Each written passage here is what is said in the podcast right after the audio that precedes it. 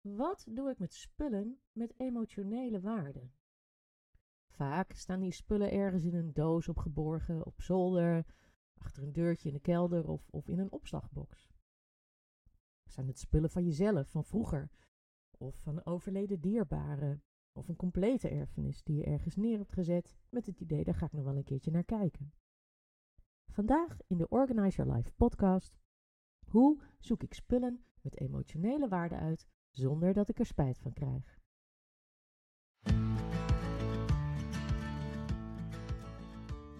Ja, welkom bij aflevering 11 van de Organize Your Life podcast. We hebben ze allemaal. De dozen met spullen van vroeger, of uh, waar spullen van vroeger van dierbaren in zitten, een erfenis, of spullen met veel emotionele waarde, waar we geen idee van hebben wat we erin mee moeten. En als we er al iets mee moeten doen, hoe je dat dan moet aanpakken. En dat is ook niet zo gek. Er komen immers allerlei emoties bij naar boven. Fijne en minder fijne, veel overtuigingen over wat je wel of niet zou moeten houden. En hoe ga je daar dan in godsnaam mee aan de slag? Laten we even kijken naar wat je vaak zo al tegenkomt. Bijvoorbeeld schoolspullen. Rapporten van misschien wel basisschool of middelbare school, knutsels, werkschriften. Soms ook van later, van je studie, scriptie, studieboeken, werkboeken, werkstukken. Ze representeren je lerende leven. Je bent nooit uitgeleerd, toch? Misschien heb je het nog eens nodig om iets op te zoeken. Wat, wat zei die docent ook alweer, die van dat ene vak? Of hoe stond het ook alweer in dat ene boek? Of dingen waar herinneringen aan zitten. Bepaalde items uit uh, het huis van je, van je ouders of van andere dierbaren die je hebt overgenomen. Of uit je eigen jeugd, beeldjes, popjes, speltjes, boeken, feestdagen, decoraties. Dingen waarvan als je ze vasthoudt of ruikt, meteen weer terug bent bij die persoon of die plek of die periode in je leven. Nee, als je ze wegdoet, vergeet je misschien hoe het eruit zag en hoe het was. Schilderijen, kunstwerken, verzamelingen, hobbyspullen van, van die hobby die je nog weer wilde oppakken. Of oud speelgoed, misschien Lego van vroeger. Van jezelf, of van je kinderen of kleinkinderen. Misschien van je ouders of van andere familieleden. En ga zo maar door. En welke emoties en overtuigingen kom je dan vaak tegen? Nou, wat, je vaak tegenkomt is, ja, ik ben bang dat als ik dit wegdoe, dat ik het me niet meer kan herinneren later. Of, dit kan ik toch niet wegdoen? En daar stopt het dan mee. Of, als ik dit wegdoe, dan draait tante Truus zich om in haar graf. Of een ander. Die kans is overigens niet zo heel groot dat ze dat doen. Of ik moet dit bewaren voor mijn kinderen. Want die willen er later nog iets mee. Of ik vind het belangrijk dat zij er later nog iets mee doen. Alleen wordt vaak niet echt bij die kinderen getoetst of dat ook echt zo is. Of hè, bijvoorbeeld zoals ik zei bij die studiespullen van ja, maar ik bewaar het omdat ik er nog wel eens een keertje iets in op wil zoeken. Alles wat je houdt uit emotie, dat houdt jou vast in het verleden of representeert een angst voor de toekomst. Laat ik het uitleggen. We willen allemaal van het leven genieten en een leven in overvloed. Niet per se in geld, maar ook in liefde en in vrijheid en in rust en ontspanning. Maar vrijheid en rust en ontspanning, die ervaar je alleen in het hier en nu. En die spullen die je ergens hebt staan, waar je geen zin in hebt, omdat je de emoties niet onder ogen wilt zien of het is te moeilijk, het zit toch ergens in je hoofd en in je lijf. En die gedachte, ik moet er nog iets mee, die vraagt energie en aandacht aan je. Ook elke keer dat je er langs loopt. Ook al staat het ergens weggestopt. Je weet toch dat het er staat. Het ook negeren ervan kost energie. En, en dat houden van ik ben bang om het los te laten, dat houdt jou vast in het verleden. Of ik kan er nog iets mee, dat is een angst voor gemis in de toekomst. Maar je weet helemaal niet of je het in de toekomst nog nodig zult hebben. En, en die twee dingen weerhouden jou ervan om nu, in het hier en nu, goed en echt in overvloed te leven. Maar goed, hoe kun je dit dan aanpakken? Hoe kun je dit dan aanpakken? Het zal je verbazen hoe sommige dingen toch echt kunnen meevallen. Vaak hebben we het in ons hoofd namelijk veel groter gemaakt dan het echt is. Omdat op het moment dat je het inpakte, of om te verhuizen of meenam uit het huis van je ouders toen ze waren overleden, of, uh, of om een andere reden, uh, die emotie zit er vast aan toen je toen inpakte. En dat herinner jij je. Maar dat wil niet zeggen dat je die emotie nu nog hebt, als je er nu toch nog eens een keer naar zou kijken. En vaak kom je toch dingen tegen waarvan je nu echt weet, nee, maar, maar dit kan nu wel echt weg. Dit is, dit is geweest. En dan kom je in een hele goede flow om toch de rest ook op te pakken. Mochten de spullen waar dit over gaat voor jou op een of andere manier een beetje gecategoriseerd zijn, hè, bijvoorbeeld die studiespullen of een heleboel oude boeken of wat dan ook, ga dan bij jezelf na welke categorie niet te moeilijk voelt. Waarvan je denkt, nou, dat, dat, daar kan ik echt eens een keer doorheen gaan. dus, dus maak het begin niet te moeilijk. Ehm, want dan kom je goed erin om dus te merken van, hé, hey, ik kan wel een beslissing nemen. En hé, hey, het is toch niet zo heel erg lastig.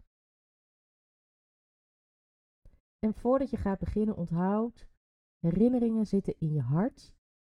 En als die spullen echt allemaal zo belangrijk zouden zijn, waarom bewaar je ze dan in een doos, achter een deurtje, of in een opslagbox of een kelder waar je ze niet kunt zien? Kijk, bijvoorbeeld die studiespullen, die heb ik ook echt heel lang bewaard. Maar heel veel van wat ik toen geleerd heb, ja, uh, dat is achterhaald. Of ik kan het net zo goed online opzoeken. en we houden het vaak omdat we denken, ja, maar dan kan ik er nog eens iets in opzoeken. En dit is heel specifiek. En, uh, maar ik vind het veel fijner om het in een boek op te zoeken dan, dan online. Maar hoe vaak doe je dat echt? Maar echt. Wees eens eerlijk. Bijna nooit, toch? En toch staat het er maar. Te staan. Stof te happen in een kast of, of opgesloten in een doos achter een deurtje. Wat voor waarde heeft het dan? Dan is het vaak alleen maar ballast. En dus angst om los te laten. Misschien is voor jou een andere categorie makkelijker. Misschien heb je wel veel boeken bewaard omdat je daar zo fijn in gelezen hebt. En, uh, maar zijn er toch echt wel boeken die inmiddels al weg kunnen? Want als je die boeken in dozen laat staan, wat voor nut hebben ze dan nog? Wat je gelezen hebt, dat zit in jou. Dat heb jij ergens opgeslagen. En wat in een doos staat, dat staat al met één been buiten de deur. Proberen er eens tien of twintig uit te zoeken die gewoon weg kunnen. Die zitten er echt tussen. dat boek wat je ooit uit de kast had getrokken bij iemand anders, omdat die het niet wilde lezen, heb je het nou echt al gelezen? En als je het na vijf jaar nog niet gelezen hebt, de kans dat je het toch echt alsnog gaat lezen is niet zo heel erg groot. dus tien of twintig boeken en doe ze weg. Naar een weggeefkast in de biep, misschien verkopen via Vinted. Eh, de boekenbalie in Rotterdam heeft een speciale app, kun je uh, streepjescodes, uh, streepjescodes, moet het goed zeggen, uh, mee scannen. En als jij voor meer dan 10 euro gescand hebt, dan geven ze jou een gratis verzendlabel. En anders gewoon echt in de papierbak. Dan wordt er nieuw papier van gemaakt. En wat nou als je iets tegenkomt wat zoveel herinneringen ophaalt? Zoveel emoties naar boven haalt, waardoor je vastloopt. Je wordt overmand. Het eerste wat ik je dan zou willen aanraden is: doe je ogen dicht, haal diep adem en streel even met de vingers van je ene hand over de binnenkant, over de handpalm van je andere hand. Dit zorgt ervoor dat je even in contact komt met jezelf, met de grond, dat je even rustig wordt en om bij je gevoel te komen. En als je dan weer rustig bent, de emoties een beetje gezakt, dan doe je je ogen open en dan stel je jezelf de volgende vragen. Bewaar ik dit omdat ik het wil? Bewaar ik dit omdat ik denk dat ik het moet bewaren? Omdat bijvoorbeeld iemand anders het heel belangrijk vindt dat jij het bewaart, maar jij misschien niet per se. En de derde vraag is: Wat is het ergste dat me kan overkomen als ik het toch wegdoe? Want de dingen die ervoor zorgen dat we het niet loslaten, dat zijn onze eigen gedachten en overtuigingen dat dat niet kan of dat je het nog nodig hebt. Maar die gedachten en die overtuigingen, die zijn vaak helemaal niet helpend. Want jij hebt er last van. wat ik al zei, het houdt je in het verleden of, of in een angst eh, voor de toekomst. Wat zou er gebeuren als je het loslaat, als je het wel wegdoet? Probeer het gewoon eens. Kijk wat er gebeurt. Doe het weg. En als het dan meevalt en denkt, oh ja, zie je wel, ik kan dit loslaten, dan kun je nog een stapje verder gaan. Er kunnen ook andere dingen bij je opkomen. Hè? Als je iets vasthoudt, je kunt ook denken: oh ja, nee. maar dit kan echt niet weg. Dit moet ik echt bewaren. Nou, dat is een hele positieve energie. Prima, hou het lekker. Maar de gedachte en de energie van: oh ja, nee, laat ik dit nog maar even bewaren. Misschien voor later. Hoor het verschil? Dat is negatieve energie. Dat is angst voor later. Angst om los te laten. Daar zit niks positiefs in. Daar zit niks in wat jou in het hier en nu helpt. En als je dat tegenkomt, hè, dat, oh nee, ja, hmm, nou laat ik dat maar bewaren. Blijf die vragen aan jezelf stellen. Hou ik het omdat ik het wil? En waarom wil ik het dan houden? Hè? Word ik er beter van? Word ik er blijer van? Vind ik het fijn?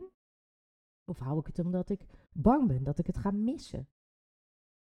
natuurlijk twee hele andere dingen. Vind ik het fijn of ben ik bang om het te gaan missen? Bewaar ik het omdat ik denk dat ik het moet bewaren? En wat is het ergste wat er kan gebeuren als ik het loslaat? En als dat antwoord is, ik bewaar dit omdat iemand anders het belangrijk vindt, of omdat iemand anders dat tegen mij gezegd heeft, maar ik vind dat niet zo, dan mag je het echt loslaten. Het is van jou. En want die negatieve emotie, die vertroebelt je energie, die vertroebelt je leven, die vertroebelt je, je vrije blik in het nu, in de rust en in de ontspanning.